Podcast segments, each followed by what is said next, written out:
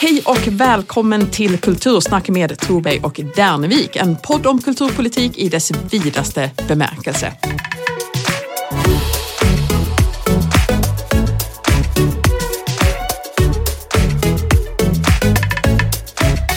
Hej Ulf!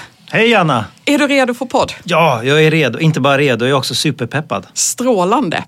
Innan vi sätter igång och berättar om podden så kanske vi ska berätta vilka vi är. Ja. Ja, vem är du Ulf? Jag heter Ulf Dernevik och jag är generalsekreterare för en organisation som heter Länsmuseernas samarbetsråd. Ja, vad gör man i ett samarbetsråd? Ja, man gör ungefär det som namnet antyder att man gör. Det är en samverkansorganisation mellan landets eh, länsmuseer. 24 stycken medlemmar är vi och vi ägnar oss åt eh, intern samverkan, opinionsbildning, vi pratar med politiker och försöker bidra till att eh, politik och allmänhet ska förstå vad ett länsmuseum är för någonting och eh, varför det är viktigt. Strålande! Man är starkare tillsammans helt enkelt. Man är ju det, man är ju det och det vill vi också att eh, omvärlden ska förstå. Det är ju lite på den linjen jag jobbar också. Ja, för du heter ju Anna Troberg, så mycket vet jag. Men, så mycket vet du. men, du men du är också ordförande för DIK. Jag är förbundsordförande för DIK och eh, vi är ju facket för de som jobbar inom kultur, kommunikation och kreativ sektor. Så det betyder till exempel bibliotekarier, arkeologer, arkivarier, kommunikatörer. Massor med spännande yrken inom kommunikations och kultursektorn. Det låter jättespännande. Det är spännande. Och vi jobbar ju, förutom det grundfackliga naturligtvis, så gör ju vi också sånt arbete som ni gör i din organisation. Det är mycket politiskt påverkansarbete, opinionsarbete och sådär för att för att göra eh, våra medlemmars röster hörda i debatten. Just det. Det är ju inte alltid så lätt att höras. Det är en Nej. ganska högljudd debatt nu för tiden. Ja men det är ju det och den ska man försöka slå sig in i på något sätt. Ja, men, men, hur funkar det nu då om man, är, om man vill vara med i DIK? Mm. Och då ska man arbeta inom nämnda sektorer. Yes. Men behöver man då vara anställd någonstans eller kan, har ni många frilansare i er organisation? Man kan absolut frilansa. Vi har rätt många egenanställda. Ehm, man behöver ha någon sorts akademisk examen inom de här områdena eller motsvarande. Mm. Men är man minsta tveksam så ska man ju bara höra av sig såklart. Just det. Inga, inga problem. Ja, men vad kul. Men jag tänkte, vi var inne på den högljudda debatten. Nu ska vi spela in podd och liksom bidra till den här ja, högljudda en debatten. En redan högljudd debatt ska bli ännu mer högljudd. Eller ska vi kanske bringa lite klarhet? Ja, just det. Kanske sänka tonläget rent av och ja. försöka bidra till lite mer eftertänksamhet och eh, djup i en diskussion. Jag tänker att det nog kan bli både och. Mm jag vet ju med mig själv att jag kan bli lite högljudd i debatten. Mm, ja, det är bra. Man måste också stå på barrikaderna ibland. Jo men faktiskt och vi, vi vet ju alla hur omvärlden ser ut nu. Både alltså, omvärlden men även i Sverige. Det är ju ett helt annat läge och kulturpolitiken har liksom fått en annan jag ska inte säga annan tyngd för det borde den ha men det kanske den inte har. Men den har fått en annan eh, betydelse. Ja, skulle man kunna säga. Ja, någonstans. exakt. Det har liksom blivit ett, ett slagfält. Ja, men det är, nästan, är det inte lite så här att alla bryr sig om kulturpolitik plötsligt fast mm. man bryr sig om kanske inte just de frågor som man skulle önska att man brydde sig om alla gånger. Exakt. För vi vill ju att det ska vara, finnas starka museer och bibliotek med de resurser mm. som biblioteken behöver och, mm. och utbildade skolbibliotekarier i skolbiblioteken och så mm. vidare. Det är ju det som borde vara överst på agendan när man pratar Ja. Kulturpolitik, det ska vara kulturpolitik och inte kulturkrig. Ja. Men nu är vi någonstans mitt i ett kulturkrig och kanske, kanske kan vi liksom göra vårt, ja. dra vårt strå till stacken för att put, putta det i rätt riktning. Jag hoppas det. Uh, om inte annat så ska vi väl sprida lite information hoppas jag. Ja, bara en sån sak. Och andra synvinklar kanske. Ja. Men du, mm. ska vi kasta oss rakt in i det hela? Det gör vi. Vi har ett ämne Mm. Och eftersom det här är det första avsnittet i början på året så tänkte vi att vi skulle göra en liten tillbakablick på kulturpolitiken 2023 och också sen dra det vidare och se vad innebär det för 2024. Och vi började ju göra en lista av vad, vad, vad har hänt mm. i kulturpolitiken. Den blev ganska lång. Det blev en jättelång lista helt plötsligt. Ska försöka klumpa ihop det här mm. och göra någon sorts ordning av det men mm. några stora saker såklart. Ja. Det är ju tidavtalet som liksom drog igång där i början på året. Precis. Och i det så fanns det ju mycket, eller egentligen så var det inte så mycket text om kulturen men det var ändå sprängkraft i det som skrevs. Mm. Kulturkanon, mm. ska vi prata lite mer om sen. Mm. Den här anmälningsplikten för offentliganställda, den, den drabbar ju många som jobbar inom kultursektorn ja. naturligtvis. Där stod också att man skulle värna den här arms, armslängden mellan kultur och politik. Det gjorde det. Ja, och det, och det har, väl gått sådär. Ja, om inte annat har det gett upphov till väldiga diskussioner också. Ja. Utifrån ett antal händelser. Mm. Men också en begreppsdiskussion. Ja. hur ska man förstå det här begreppet? Det ska vi också prata lite om. Precis, för det där är spännande och avgörande dessutom. Ja, och har bidragit till att göra allting lite mer förvirrat. Ja. Vi ska också prata lite om kulturbudgeten som, som kom. Ja. Mm. Och de blir ju mindre och mindre Ja. för varje år i Ja. faktiska eh, pengar efter man har räknat in inflation och sånt. Och behoven blir nästan större och större. Ja. Sen har det ju varit ett jäkla drag i Norrköping Just också. det, Norrköping ja. Det blev en riktig svallvåg där när eh, Sofia Jarl, eh, kommunalråd, gick ut och eh, anklagade kulturarbetare för att vara en vad var det, kulturelit. ja kulturelit. Bortskämd och kultur. Bortskämd kulturelit. En del av det bortskämda Sverige. Ja, Tror jag att man uttryckte det som till och med. till och med så. Ja. Och ja, vi kommer väl återkomma till det, men blottar inte den kultursynen då? Jo men verkligen, verkligen. Och jag tänker att eh, det kommer väl återkomma i fler, flera saker. För jag tänker att det var väl på något sätt eh, kulmen på flera olika saker som hände under året och så kom, eh, kom det här i Norrköping. Just det. Så det. Men allt har ju faktiskt inte varit jättedåligt. Vi fick ju en riktig skräll i och med det här med bemannade skolbibliotek. Ja, äntligen. Det är ju fantastiskt. Det är ju fantastiskt, jättekul. Alltså DIK har ju jobbat för det jättelänge tillsammans med andra det. naturligtvis. Men ehm, vi fick ingen indikation och sen bara pang Ja. så kom det. Så vi höll lite på att trilla av stolarna när vi satt och tittade Ja. på presskonferensen. Ja, men för vi var så här, "Ja, de kommer inte säga något. Utan, bara, Va? Sa, sa de verkligen det liksom? Ja, men det är ju fantastiskt. Och du har varit en sån där riktig långkörare också. Verkligen. Jag har ju en bakgrund i eh, regeringskansliet. Och har jobbat med kulturpolitiken ur det perspektivet också. Och eh, även på den tiden så var ju då det här med bemannade skolbibliotek någonting från kulturdepartementets sida som vi slogs väldigt aktivt för.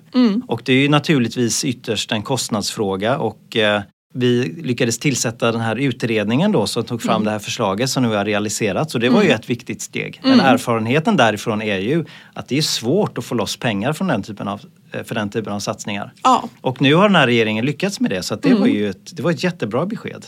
det är ett fantastiskt besked. Och det är också ett problem när man har jobbat med, med den här frågan. Det är ju att alla vill ju ha skolbibliotek. Ja. Ja. Det är jättebra med skolbibliotek, det är jättebra med skolbibliotekarier men ingen har velat betala för det. Nej, exakt, nej. Och nu ser det ut som att det blir så. Men nu får vi ju följa upp och, och se så att Ja. det liksom fungerar hela vägen. Men det, ändå. det är jättebra. Alltså. Och det är inte så många frågor där man har kunnat mobilisera en så total enighet.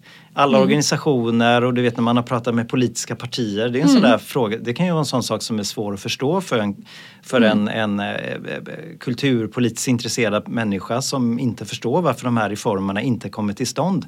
När det är så att alla partier samfällt säger samma sak. Det vill säga att vi Under vill ganska detta. lång tid Under dessutom. ganska lång tid dessutom. Och så ändå så blir det inte så. Det är egentligen jättekonstigt. Ja, Men det har att göra med inre dynamik i regeringskansliet och som du säger, de facto så måste ju någon betala i slutändan. jo men och det har väl att göra med, nu, nu ligger ju i och för sig då inte skolbibliotek under kulturdepartementet. Eh, men det handlar ju lite också om en, en syn på vad som är viktigt att prioritera. Ja. Och då har det blivit nerprioriterat länge. Men nu hoppas vi ju verkligen då att det går i lås. Ja. Det ser ju ut som det. Tack Lotta Edholm kan vi säga. Verkligen. Hon stod för årets överraskning får Ja. man nog säga. Men det har ju hänt massor med andra saker. Armlängds avstånd. Det har man Ja. ju pratat om och det jag- jag ska inte säga att armlängds avstånd har dykt upp. Brist på armlängds avstånd har ju varit eh, någon sorts följetong under, under hela året, Mm. skulle man kunna säga. Och ehm, det börjar väl väldigt tidigt på året med debaklet på Länsmuseet i Gävleborg. Just det. Och det tänkte jag att du kunde berätta lite mer om, för det sitter ju du nära. Eh, Det som hände där var ju att eh, i samband med valet 2022 så tillkom det en eh, ny ordförande för eh, museistyrelsen för Länsmuseet i Gävleborg. Det fungerar ju så på våra länsmuseer att de styrs oftast av, eh, de är stiftelser med en, stiftelsestyrelse. Inte alla, det finns lite bolag och det finns lite förvaltningar och så men det, är den vanligaste organisationsformen. Och efter valet då så tillsattes det en museiordförande som var utnämnd av Sverigedemokraterna Och eh, det är så vitt jag vet eh, första gången ett länsmuseum har haft en ordförande som har Sverigedemokratisk partifärg. Mm, jag tror att det stämmer. Ja. Mm. Och det som inträffade då var att han på ett väldigt tydligt sätt signalerade att man ville se omdaningar av museets inre verksamhet. Mm. Han twittrade Eh, bland annat, nu har jag inte, kan jag inte återge det ordagrant här men ungefär att nu är det slut på sossestyret och nu ska mm. det bli andra tongångar inom eh, museets ram här. Mm. Alltså underförstått en ny ordförande som kliver in och vill eh, göra om museets eh, mm. utställningsverksamhet. Det var ett eko lite från det här med förra valet då, samstyret mm. i Sölvesborg när man skickade mm. ut det här diktatet om att nu är det slut på utmanande samtidskonst och nu ska mm. underförstått då, nu ska det vara liksom uppbygglig kulturhistoria för mm. nationens bästa och sådär va. Ja, det, ja men det rimmar ju inte så bra med det här idealet om frikonst ju. Eh, det var ju som så frapperande liksom, eller så mm. flagrant tydliga signaler man skickade där liksom, och då blev det genast oro i sektorn. Vi har ju många medlemmar som jobbar på museet och det var ju, det går ju mot ja. allt man jobbar för när man jobbar inom ja, men museisektorn. Det, är ja. inte, det ska inte komma en politiker och bestämma vad, vad som ska finnas nej, nej, där. Liksom. Så det var ju väldigt omvälvande för ja, dem. Men det var ju väldigt omvälvande det gav ju också ringar i en sorts eh, allmän kulturpolitisk debatt att mm. Eh, oj, oj, oj, här har vi någonting som inte är riktigt legitimt. Mm det blev ju ändå en medial diskussion om detta mm. och vi hade en väldigt eh, stark och duktig eh, chef för det här museet, Hans mm. Lindholm Öjmyr heter han, mm. som är väldigt liksom starkt då står upp för det här museets integritet och eh, tog ju då stöd av museilagens femte paragraf. Mm. För vi pratar ju om armlängds avstånd nu mm. och den principen återkommer ju i vissa olika skepnader lite här och där mm. i hur man styr kulturinstitutioner. Den är ju ganska stark och eller tydligt uttryckt i, i just museilagen. Ja precis, va? så det är ju mm. väldigt tydligt uttryckt att ett museums huvudman ska säkerställa att museets ledning har ett bestämmande inflytande över verksamheten. Mm. Och det är väl så tydligt som man kan komma egentligen. Mm. För någonstans upprätthålla samtidigt ett, eh, någon sorts byråkratprosa. Alltså. Och, lite, och den har väl sin motsvarighet i bibliotekslagen som ju du kan bättre än vad jag kan. Mm. Det är starkare i museilagen än, än vad det är i bibliotekslagen men man, man jobbar ju efter samma princip. För det är ju en grundprincip som ska gälla för svensk kulturpolitik. Ja. ja, men precis precis, och det kanske är värt att flika in här också att det här är ju en kulturpolitisk princip men inte bara. Va? För att det här ju, har ju egentligen att göra med lite alltså, egentligen bredare penseldrag. Mm. Institutioners frihet. Alltså, mm. Vi kan ta en annan samhällssektor, vi kan ta forskning till exempel. Mm. Alltså, vi har ju idealet om akademisk frihet. Mm. Vi vill inte ha politiker som dikterar vad man ska forska på eller hur man ska göra. Mm. Så otroligt viktig princip. Nej, men, och jag brukar använda exemplet eh, om du ska till doktorn och operera ut din blindtarm, mm, mm. då vill ju du gärna att det är en läkare som liksom så här, ja, men jag är utbildad, jag vet hur man gör, jag gör det efter konstens alla regler. Du vill inte att din kommunpolitiker går in och talar om för läkaren hur han ska operera ut din blindtarm. Nej men det hade ju känts lite olustigt det, tycka. lite olustigt, det är underdrift ja, i sammanhanget. Ja. Man pratar ofta om den här principen som att den är så himla speciell men mm. någonstans så gäller ju det överallt. Vi ja, litar på folks kompetens liksom, för att det är ändå det som fungerar. Och ibland i eh, diskussionen som har varit så har man ju också sett lite antydningar ibland liksom, mm. som vill göra gällande om att ja, men ni i kulturen, ni tror att ni är så speciella och varför mm. ska just ni vara liksom fredade för politiskt mm. inflytande när det inte gäller i någon annan sektor. Men så mm. är det ju inte alls det, det är precis som mm. du säger. Alltså, I grunden handlar det här om institutioners frihet men också kompetens. Kompetens, ja. Eh, liksom, eh, respekten för professionen. Va? Så att, Exakt. Ja, eh, vi hade en, en stark och duktig och bra museichef där som tog stöd i museilagen och detta utmynnade då i också att eh, vi skrev debattartikel tillsammans. Ja men det gjorde vi, ja. det är sant. Ja.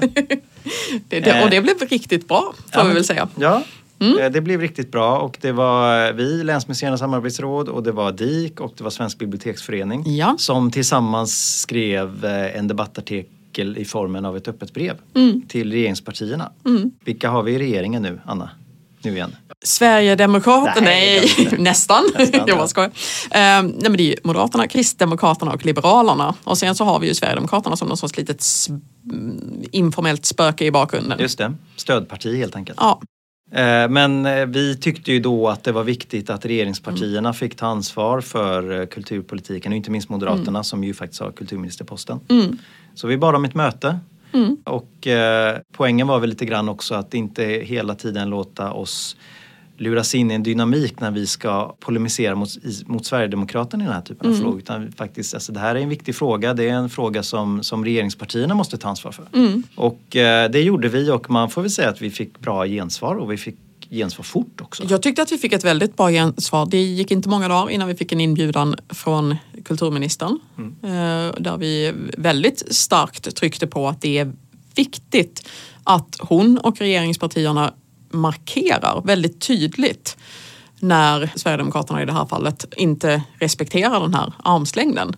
Dels för att principen i sig är viktig naturligtvis, men också för att de som jobbar ute i verksamheterna ska känna sig tryggare. De ska känna att de har ett stöd Exakt. hos regeringen. Ja, ja, ja. Um, för man är ofta väldigt utelämnad. Det finns ganska många exempel runt om i Sverige. Vi har sån här Drag Queen Story Hour och alla de här delarna. Där, män, där människor har fått eh, dödshot för att de jobbar på ett bibliotek till exempel. Eh, och att då känna att nej, men, vi har kulturministern och regeringen i ryggen. Det är väldigt viktigt. Så det tryckte vi ju verkligen på när vi träffade kulturministern. Verkligen. Och eh, hon var ju också väldigt tydlig. Mm. Dels på plats när vi träffade henne men också medialt sen. Mm. Så gjorde hon ju kraftiga ställningstaganden eh, om, till skydd för principen armlängds- om armlängds avstånd. Till och med en debattartikel, eller hur? Ja, Jag tror det. var det det? Ja, Ja, det kanske jag det var. det. Men det var i alla fall i ett antal intervjuer Mm. hon väldigt tydligt då eh, slog fast att det här principen som ju också finns formulerad i Tidöavtalet Mm. det gäller och eh, det också har den innebörden som, man, som den traditionellt har haft och har. Va? Mm. För det är också en, en aspekt av den här diskussionen att Sverigedemokraterna kunde inte gärna komma ifrån det faktum att man hade skrivit in att principen ska efterlevas i Tidöavtalet. Mm. Men man försökte sig på någon abrovink där att det egentligen betyder något annat. Precis, man pratade om att eh, men vi har en klassisk tolkning av principen om en ar- armlängds avstånd och den här klassiska tolkningen var i princip att det inte skulle finnas någon armlängd. Utan att, ja, jag, vet, jag vet inte riktigt vad den där klassiska tolkningen var. Det var inte principen om en armlängds avstånd i alla Nej. fall. Och det blev ju också lite för, förvirrat därför att man har fyra partier som har skrivit under ett, ett avtal. I avtalet så står det att man ska värna den här principen. Men ett av partierna menar helt plötsligt någonting helt annat. Ja men vad, vad blir det då? Liksom, då behöver man ju förtydligande. Vad är det vi egentligen menar med det här? Exakt, ja. För annars så ja, men, låter man betydelsen glida iväg Ja men då, då betyder det inte så mycket längre. Nej. Då har man ju tappat grundprincipen. Det är svårt att teckna avtal då, alltså om politiska frågor om Ja. det man vill uppnå egentligen eh, betyder något annat. Ja, Ja, men för den som eventuellt inte är med på vilken alternativtolkning man gjorde där Mm. så var det ju, uppfattar jag Sverigedemokraterna i alla fall som att man försökte göra gällande att principen om armlängds avstånd det är Mm. ungefär att staten inte ska förbjuda fria konstnärliga yttringar. exakt. Och det är ju väldigt, eh, vad ska man, ska man liksom vara tacksam för att oj så generöst va så vi får ha kvar vår liksom Och principen handlar ju inte om det. Principen handlar Nej. ju om kultur som finansieras med Exakt, statliga ja. pengar. Ja, ja, ja, visst. Och att även inom, inom ett offentligt finansieringssystem Ja, ja, ska det precis. finnas. Ja, precis. Ja, Mm. och att då börja prata om den fria konsten, det är så här, ja fast det är en annan sak. Det är Ja, inte, för- naturligtvis ska den vara fri. Ja, tack och lov har ingen Ja. föreslagit att vi ska avskaffa vårt eh, fria, öppna, eh, demokratiska samhälle och Nej. vår yttrandefrihet som ju skulle vara en konsekvens. Precis, det är ju inte en princip om en armlängds avstånd att eh, politiken är snäll inom citattecken och inte lägger sig i den fria konsten. Exakt, det, det blir väldigt märkligt men de är fortfarande inne på den linjen. Ja, de är det va? De är För nu har jag inte sett något nej. utspel på ett tag. Nej, men det, det verkar de vara. Men eh, därför blev det också väldigt viktigt att verkligen trycka på principen. Och vi fick ju ett möte till ganska snart efter med, med kulturministern för att ytterligare fördjupa diskussionen kring det här och då också specifikt eh, prata lite djupare om ja, men vad innebär det här för de som jobbar ute i, i, i verksamheterna. Liksom.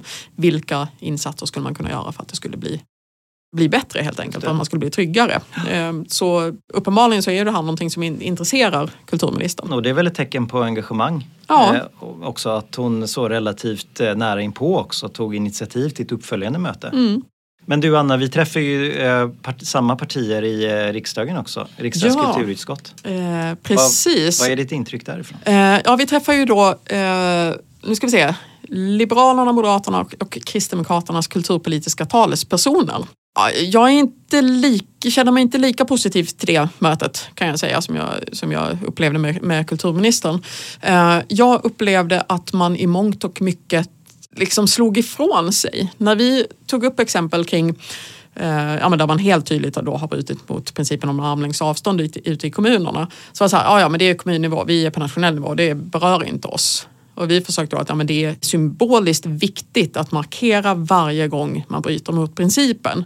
Men man slog liksom det ifrån sig. Man la ner ganska mycket tid upplevde jag ehm, på att liksom försvara sitt samarbete med Sverigedemokraterna. Och liksom så här, ja, ja, ja, men det där är inte liksom, säger de det där om armslängden, det spelar ingen roll, liksom, det är lugnt. Det är så här, vi, vi har koll liksom. Och jag fick inte alls intrycket av att man hade koll och kontroll på det.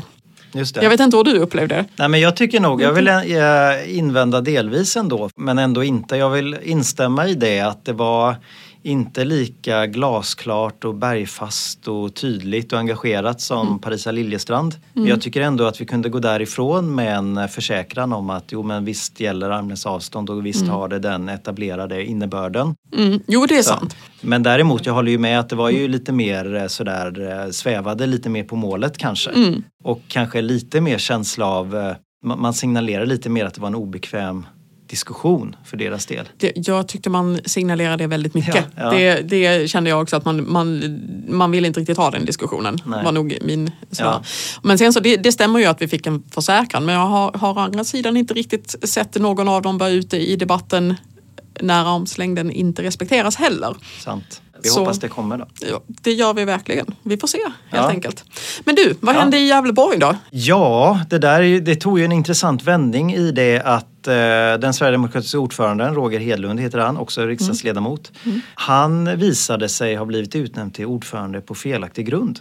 Ja, så, så han, han, föll på teknikalitet? Han föll på teknikalitet och mm. är idag inte längre ordförande. Mm. Han sitter i styrelsen idag fortsatt mm. men styrelsen leds av en annan person. Mm. Det är också så att museets chef eh, också har slutat så han är inte kvar heller på museet mm. utan han har gått vidare till nya uppdrag. Han finns på Dansmuseet nu eller hur? Precis ja, ja. han är chef på Dansmuseet. Mm. Och eh, det är svårt att säga i vilken utsträckning det här har spelat, den här historien har haft betydelse för det beslutet att eh, flytta på sig men jag tror nog att det har bidragit helt oavsett så måste det ha varit en extremt utsatt och jobbig situation. Det tror jag att, eh, absolut att det var. Och eh, det lyfte vi också i vår debattartikel, detta med att den här oron och turbulensen som det kan skapa inom kulturinstitutionerna. Mm. Det kan ju innebära att eh, kompetens och viktiga personer helt enkelt eh, flyttar på sig. Ja. Alltså man inte tycker det är inte lika attraktivt som mm. arbetsplats om det finns den typen av... Nej men att det blir svårt att rekrytera ja. nya också för ja, man vill exakt. inte sätta sig i den situationen. Nej, precis. Liksom. Så det är också en effekt av, mm. av, av det här frånvaron av politiskt ansvarstagande som det faktiskt innebär att mm. vara så styrande som mm. man har varit här. Precis. Men du Anna, en parallell diskussion är väl också det som inträffade i Ystad på konstmuseet där va? Ja, Dragontavlan. Just det, just det, det gamla nationalromantiska. Precis, nakna män som rider ja. till havs med häst. Ja. Där fick museet helt plötsligt reda på att man hade beslutat att tavlan skulle flyttas tillbaka till museet. Den har varit på ett annat museum ett tag som nu ska flyttas, man kan ta kvar tavlan. Det hör till saken att tavlan är väldigt, väldigt stor. Mm. Den är som en, en etta med kök. Liksom. Den är 50 kvadratmeter stor så den är inte helt lätt att hysa. Liksom. Och det gör ju också det ännu mer komplicerat när man då från när museet då får ett besked att ja, men nu har den här 50 kvadratmeter stora tavlan som ni ska ta hand om. Och det är ju problematiskt. Man ska inte gå in och bestämma vad ett museum ska ha på väggarna naturligtvis. Men du Anna, kan vi inte bara ta en kort bakgrund här? Mm. Eh, då var ett av museerna i Ystad som skulle byta lokal mm. eller stänga och man huserar här då jättetavlan. Mm. Och då hade man ju ett behov av att flytta på den. Ja, precis. Och då hade man en plan för det. Eller hur var det? Planen som blev var att man skulle flytta den till eh, Ystad konstmuseum. Och där har den hängt förut. Det som man ska komma ihåg då är att tavlan är egentligen för stor. Så när den hängde på museet så fick man vika den liksom, för att den skulle få plats vilket också då ledde till att man fick restaurera den och, och sådär. Men det är ju också så att eh, tavlan har inte varit där på väldigt, väldigt många år och Ystad konstmuseum har ju annan verksamhet, andra utställningar, annat som man gör. Eh, och det är inte bara att så här, hej hopp här får ni den här tavlan plus lite andra tavlor i samma serie om jag har förstått saken rätt. Men det slutar inte där. Men bara så att eh, jag hänger ja. med här nu. Ja. Eh, det här beslutet om att flytta det till konstmuseet, det var mm. ett politiskt beslut. Det är det. som är märkligt. Ser du. Eh, Paula Nilsson eh, som är moderat kommunalråd. Eh, hon säger att det här är ett beslut man har fattat. Fast var det här beslutet är fattat, det är det liksom ingen som riktigt vet. Det är ju lite märkligt. Man tänker ju att det här skulle då ha beslutats i kommunstyrelsen eller kulturnämnden eller någonting sånt. Men det, det finns inget sånt beslut. Eh, DIK hörde av sig till kommunen och frågade. Det finns inget protokollfört beslut, det finns inget eh, diariefört beslut.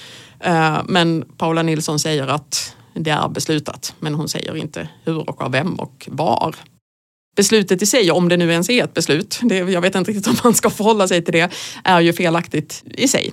Men det är ju också ett väldigt stort demokratiskt problem när man säger att det finns ett beslut och att det beslutet ska gälla, men det går inte att se var det beslutet är fattat och av vem och hur. Liksom. Verkligen. Då har man inte respekt för det demokratiska systemet helt enkelt. Men det här beslutet måste ändå ha förmedlats till museichefen på något sätt? Det är förmedlat till, till museichefen och så vitt jag förstår via den här Paula Nilsson på något sätt.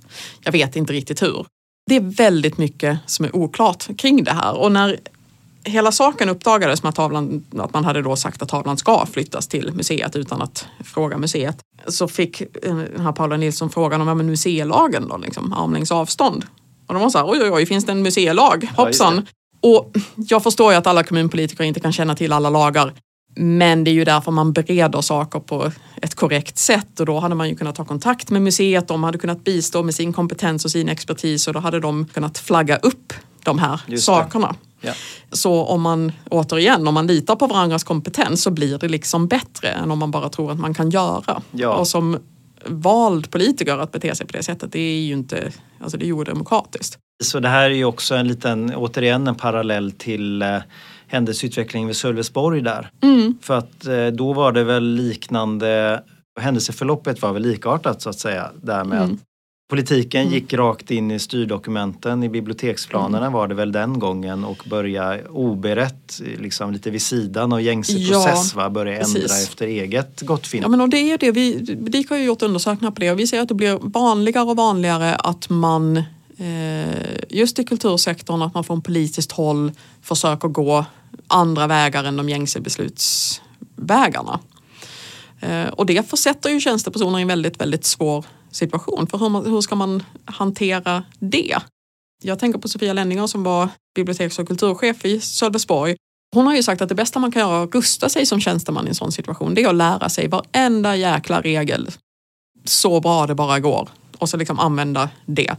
Men samtidigt liksom har man en, och det är ett gott råd, ehm, men har man en motpart som inte respekterar reglerna, de, de regler vi gemensamt har satt upp, då blir det ju väldigt svårt. Mm. Naturligtvis och då, då hamnar man i en ytterst svår situation. Ja men precis eh, och också riskerna för att det man får ut i konkret politik blir också av lägre kvalitet. Ja. Och för att en, en lyssnare här då inte ska missförstå detta, alltså ett eh, politiskt fattat beslut enligt korrekt demokratisk process mm. är ju i sig så att säga rätt politik i den bemärkelsen mm. att det följer den demokratiska proceduren men det kan ju mm. ändå finnas högre eller lägre kvalitet i till exempel mm. en lagstiftningsprodukt. Mm. Jag bara gör en jämförelse nu, vi har en diskussion inom rättspolitiken där det kommer den ena propositionen efter den andra. Eh, men där ju lagrådet väldigt ofta har invändningar mot hur de här lagreglerna är konstruerade mm. utifrån rättsregler och demokratiska principer och liksom så beredningsprocesser och så. Mm. Och då har det blivit en trend att eh, politiken i allt högre utsträckning inte lyssnar på vad lagrådet, eller lyssnar gör man väl för all del men mm. man, eh, man bryr sig inte om det. Nej, man bryr sig inte om det helt enkelt. Nej. Och det visar ju tjänstemannens roll här. Ja. Alltså att det är ju, de fyller ju en funktion i det demokratiska systemet. Ja, men, och det är ju ett, ett, alltså det demokratiska hantverket är väldigt, väldigt viktigt. För har vi inte det, ja, men då, då blir det inte bra helt enkelt. Ja, men det här är superintressant och nu när vi pratar om det här demokratiska processer och vad som är demokratiskt och eventuellt inte demokratiskt. Alltså mm. Jag känner direkt nu att vi måste ha ett temaavsnitt nästan om vad demokrati betyder egentligen och eh, dess För det blir ju väldigt mycket bråk om det. Alltså mm. just det här spänningsfältet mellan det som en politiker eh, beslutar, om det Mm. i sig per definition är alltid demokratiskt eller hur det förhåller sig till ett eh, administrativt system och tjänstemännens roll. Det är ju väldigt intressant Absolut. Jag alla, pratar inte alla gånger så himla enkelt heller. Verkligen inte. Jag pratar hemskt gärna om det. Jag tänker att det finns också rätt många mjuka aspekter av demokrati. Alltså alla de här delarna som på olika sätt bygger upp och stärker demokratin men som kanske inte är det som står i lagtexten men som ändå liksom är en, en av grundpelarna för att det ska fungera. Det gör vi ett avsnitt om framöver. Det gör vi. Strålande. Eh, jag tänkte bara innan vi är färdiga med Ystad här, för det, det känns lite som att det kommer att bli en följetong. Så vill jag bara säga en annan sak som Paula Nilsson sa när, när det här liksom hade rullat på lite grann. Nu citerar jag. Det har inte fattats något, något politiskt beslut. Okej, nu säger hon att det inte har fattats något beslut och sen lägger hon till. Det är en yta som kommer att användas för ett eget museum. Alltså den här ytan som finns i Ystad konstmuseum. Ett befintligt museum. Liksom. Ja, man ska liksom ta ett rum i museet, eh, den här ytan då. Eftersom man då tar den här ytan och ska använda den som ett eget museum så bryter man inte mot museilagen. Ja men det var intressant. Apropå Det den är en väldigt spännande tolkning av Ja, ja, ja. museilagen, eller hur? Ja visst, ja. Jag vet inte hur hon tänker sig där. Tror du, att vi, tror du att vi någonsin kommer att få reda på var det här beslutet, som inte är ett beslut, men kanske är det, var det fattades? Ja, då får man nog ta fram en eh, spåkula håller jag på att säga, eller en backspegel av något slag. Ja. En spåkula som egentligen är en backspegel och förseka reda ut vad som egentligen inträffat. Jag såg- En fluga på väggen. Ja, jag såg att oppositionen luftade i någon eh, debattartikel att man vill att eh, revisionen skulle titta på, på det här och det kanske inte är en så Kan dum idé. idé. Ja. Eh, för lite transparens. Men eh, det har, året har ju präglats mycket av det här. Mm. Men det har ju kommit en eh, budgetproposition också, en kulturbudget helt enkelt. Yes, och det är ju inte jättekul. Förra årets eh, kulturbudget var den minsta på 20 år. Förra årets kulturbudget var den minsta på 21 år. Eh, och då pratar vi vad pengarna faktiskt är värda. Just det. Alltså Ja. räknat eh, utfallet i budgeten i förhållande till inflationen. Precis så. Och det är ju så man måste räkna. Ja. Eh, Så räknar man inte när man presenterar budgeten utan då säger man att det här är en jättestor budget jämfört med de andra. Men det är ju trots allt vad pengarna faktiskt är värda och kan användas till som, som spelar roll. Ja. Och det är ju onekligen så att väldigt många eh, verksamheter inom kultursektorn har, har ju varit underfinansierade under väldigt lång tid. Sen kom pandemin och då fick man ju tillskott. Budskapet där från hela sektorn var väl också i princip att det räcker inte att få tillskott ett eller två år utan här måste vi liksom bygga upp för vi var ja, men underfinansierade från början. Men så ser det ju tyvärr inte riktigt ut. Det är ju många verksamheter som går på knäna, liksom, som kämpar. Det som jag har följt mest då inom ramen för arbetet med museisektorn det är ju utfallet för den regionala kulturen. Mm, Så våra medlemmar det är ju regionala institutioner mm, och eh, de får ju pengar både från stat eh, och sin huvudman inom eh, regionen och också ofta även kommunen. mm, Och då ser man ju att de statliga pengarna de står ju still i princip och det kom en ganska dramatisk nyhet faktiskt i budgetpropositionen. Och det var ju att man avbryter den automatiska uppräkning som har funnits i anslaget. mm, För det har man haft tidigare. Alltså en inde- indexering som gör att eh, uppräkningen sker, eh, ja det sker en uppräkning helt enkelt för varje år.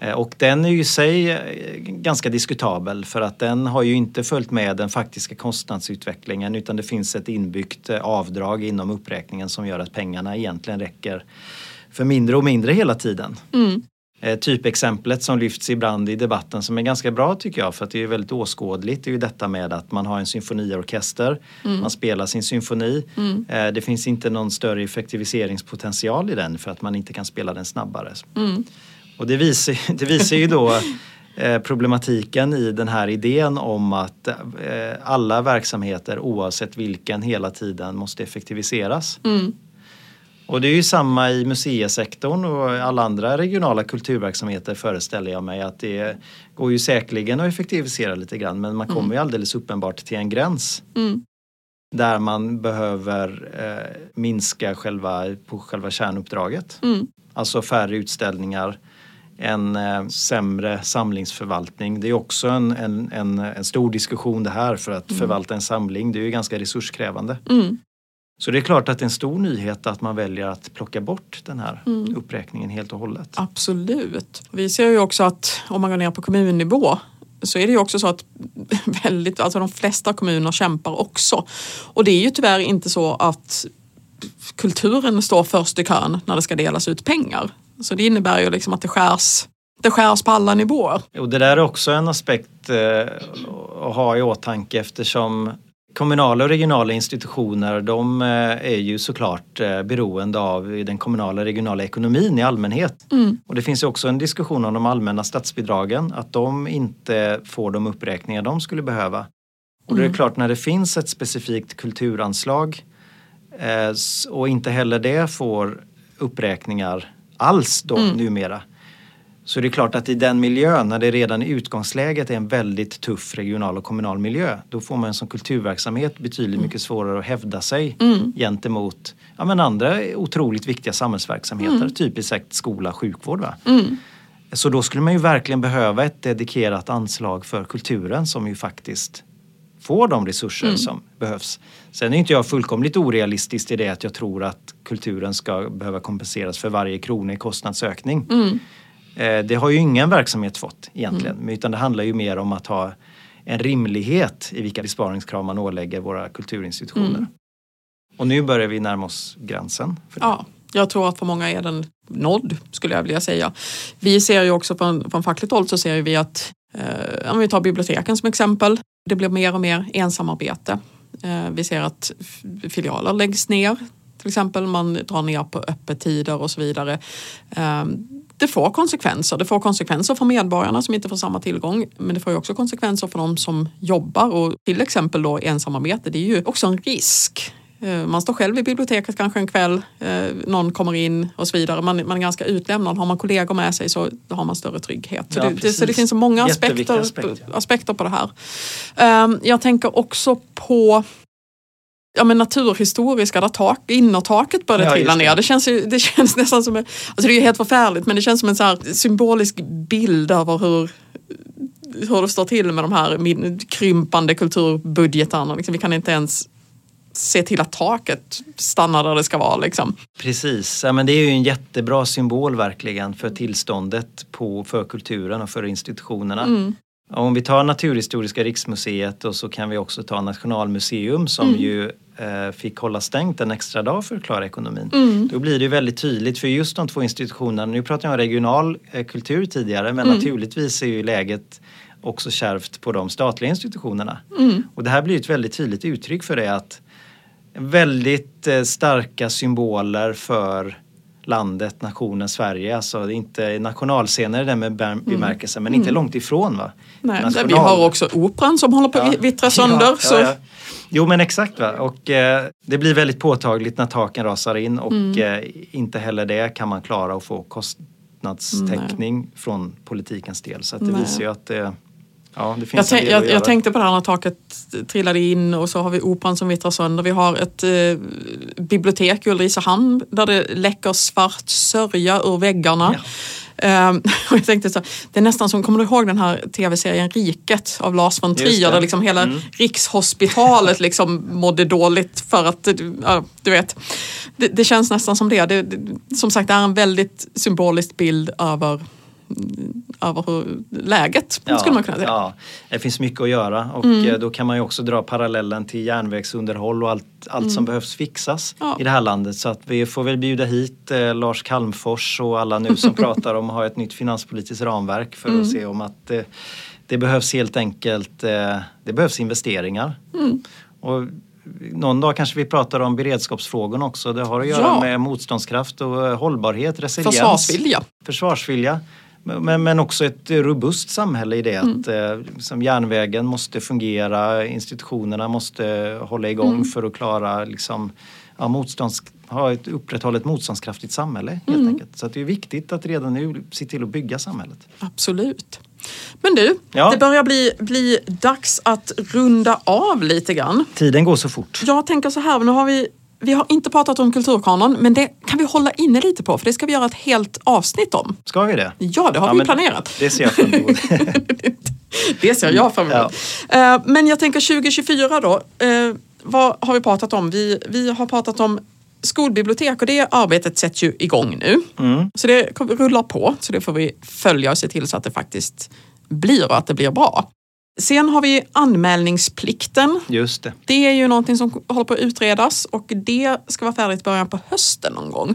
Och eh, där ska vi, jag, jag har lite farhågor där, jag är, för det är ju väldigt många som har protesterat mot det här. Ja, och särskilt på, från bibliotekens håll va? Många yrkesgrupper, men biblioteken, där har man varit väldigt väldigt vokal och stått på barrikaderna, vilket jag är väldigt glad för. Men så pratar man ju om undantag och jag hoppas ju att de yrkesgrupper som kanske känner att ah, men jag får nog ett undantag, att de ändå håller i och är solidariska med de andra som kanske inte är lika självklara undantag eller vad man skulle kunna säga. För, för i grund och botten så är det ju förslaget är fel på. Liksom. Kasta förslaget. Mm. Så det är min lilla farhåga kring just den punkten under året. Jag förstår. Ja, men det här är en väldigt viktig fråga. Mm. Det handlar ju väldigt mycket om vilket samhälle vi ska vara. Mm. Så jag tycker det är viktigt att eh, vi pratar om det också. Mm. Precis. Sen har vi då Kulturkanon. Arbetet sätts igång. Det ska vara färdigt 2025. Det, följer vi och det ska vi verkligen dissekera i nästa ja. avsnitt. Sen så tänker jag också säkerhetsläget kan vi ju liksom inte ignorera under 2024 och jag tänker att det kommer att påverka kulturen också. Jag tänker att det är en risk för att det blir ännu mindre pengar till kulturen. Vad tänker du om det? Jag tänker att eh, den risken finns och eh, mm. som vi snabbt konstaterar i förbigående så är det viktigt, viktigt att upprätthålla idén om värdet av kulturen mm. också mm. Utifrån eh, beredskapsperspektiv. Mm. Där handlar det ju om alltså dels att skydda och bevara kulturarv i händelse av ja. kris och krig men det ja. handlar ju också om vad kulturen kan bidra för det mänskliga välbefinnandet under svåra situationer. Verkligen. Så det, det är ju dubbelt där. Liksom, och det, båda de aspekterna är jätteviktiga Verkligen. att få med. Och det är en insikt som allt mer tydligt sjunker in tycker jag. Och eh, mm. också MSB har ju lyft fram just detta. Som ja, en aspekt. och Myndigheten för psykologiskt försvar ja, är, ja. är mm. också på. Just det. Eh, så, men, men det gäller ju att ligga på som ja. sagt. Ja. Ehm, ja, vad känner du? Är det något annat som vi behöver tänka på under året nu då, som av de saker vi har tagit upp eller någonting annat? Det kommer med största säkerhet dyka upp eh, viktiga saker att avhandla. Mm. Men eh, jag tycker att vi har en bra utgångspunkt i alla fall. Ja men jag tror det. Det är ja. lite så här, eh, lite som att köra motorcykel genom ett konstmuseum. Liksom man hinner inte se så mycket men vi, vi har ändå gjort en lite snabb genomgång ja, och några liten spaningar. Mm. Sen så har vi en liten grej på slutet. Var och en av oss kommer att lyfta fram någon sak som vi har gått och funderat på. Vad har du funderat på? Ja, men det är en grej som har gjort mig så himla glad. Eh, och mm. det är att ett av våra medlemsmuseer, Östergötlands museum, blev förra året Årets museum 2023. Och bara mm. det är ju en jätterolig sak. Mm. Men nu har det relativt nyligen också blivit klart att samma museum också har blivit nominerad till priset som European Museum of the Year Award. Aha. Alltså motsvarande fast på europeisk nivå. Kul! Är det inte jättekul? Det är fantastiskt. Ja. Jätteroligt. När får man reda på hur det går? Jag de ska resa ner till Portugal tror jag det är, mm. som där själva utnämningen sker och jag tror detta sker i maj. Spännande! Ja, ja, så vi säger hurra och grattis till Östergötlands museum och icke att förglömma, vi håller också alla våra tummar för att man slutligen ror det här priset i land. Maj kommer att bli en sån här jobbig tid för våra tummar för ja, det här ska vi verkligen hålla tummarna för och sen har vi ju också Eurovision i Sverige som vi ska hålla tummarna för. Just det. Um, och där, så just det. Vi, vi tränar och håller riktigt hårt. Håller riktigt hårt, ja. ja. ja men precis, precis. Och eh, för att få det sagt också så vill man mm. väl också understryka att bara det faktum att bli nominerad, bara det är en stor sak. Så att man, vi ska inte heller Självklart. Bli, det är ju ändå en väldigt, väldigt fin prestation, ska man hålla i minnet. Det finns ju ganska många museer runt om i Europa. Så är det. Och ganska många av dem har ju inte blivit nominerade. Så det är en fantastisk sak. Vad roligt. Då förväntar jag mig en uppdatering på det här så småningom. Den kommer. Strålande. Men du då Anna, vad har du gått och tänkt på senaste tiden? Jo, men jag har gått och tänkt på um, de här, vet, varenda tidning nu har ju publicerat sådana här beredskapslistor. Alltså du vet vad du ska ha hemma i händelse av kris eller krig. Du ska ha vatten och du ska ha mat och ett, vad är det mer? Um, ja, men sovsäck och ja men du vet de där listorna. Och då har jag noterat att i slutet på nästan alla de där listorna så står det att man ska ha ett Yatzy. och, jag, och jag tänker så här, alla sammanhang där jag har spelat Yatzy så har det alltid funnits en väldigt dålig vinnare och en lika dålig förlorare. Ja. Och då tänker, Skapar man dålig stämning där? ja, men jag, jag, jag fick liksom en sån här bild framför, framför mig att man sitter med sin familj i typ tre veckor, konserverna håller på att ta slut, det är ingen el, vattnet är dåligt, ja men du vet här, det blir kallare och kallare och så sitter man och spelar sitt hundrade parti liksom och hatar varandra. Uh, jag tänker att det, det kanske inte är så uppbyggligt för försvarsviljan. Du vet när, när angriparna kommer, då är man så här, ja, ja, bara jag slipper spela Yatzy igen. Ja, ja, liksom, ja, lite sådär. Ja, just det. Man får tråka ihjäl dem med Yatzy istället. ja, lite så. Men då tänkte jag så här, och det här har jag faktiskt inte sett på en enda sån här lista. Eh, det är så här, varför ska man inte stoppa en bok i sin beredskapslåda? Just det. Jag tänker att det är helt perfekt. Dels så kan man byta böcker med varandra. Om alla har en bra bok i sin beredskapslåda. Eh, jag tänker också att när man läser så får man liksom, då är man i sin egen lilla bubbla och får vara i fred en liten stund och det kanske inte är så dumt i en sån ganska pressad situation. Och sen, och, och håll i dig nu, eh, så är det ju faktiskt så också att man kan elda böcker. Och nu vill inte jag propagera för att vi ska börja elda böcker till höger och vänster. Har du någon raritet ja, hemma? Bokbål ska vi väl hålla oss ifrån? Det ska vi hålla oss ifrån. Har du någon sorts raritet hemma så nej. Men har du en sån här eh, som är tryckt i 500 000 exemplar pocketbok så tror jag nog att man med gott samvete kan värma sig lite vid den. Så mitt tips är stoppa ner en riktigt bra bok i din beredskapslåda för jag tror att den kan finna sin plats och göra gott där. Tyckte det var ett väldigt bra tips.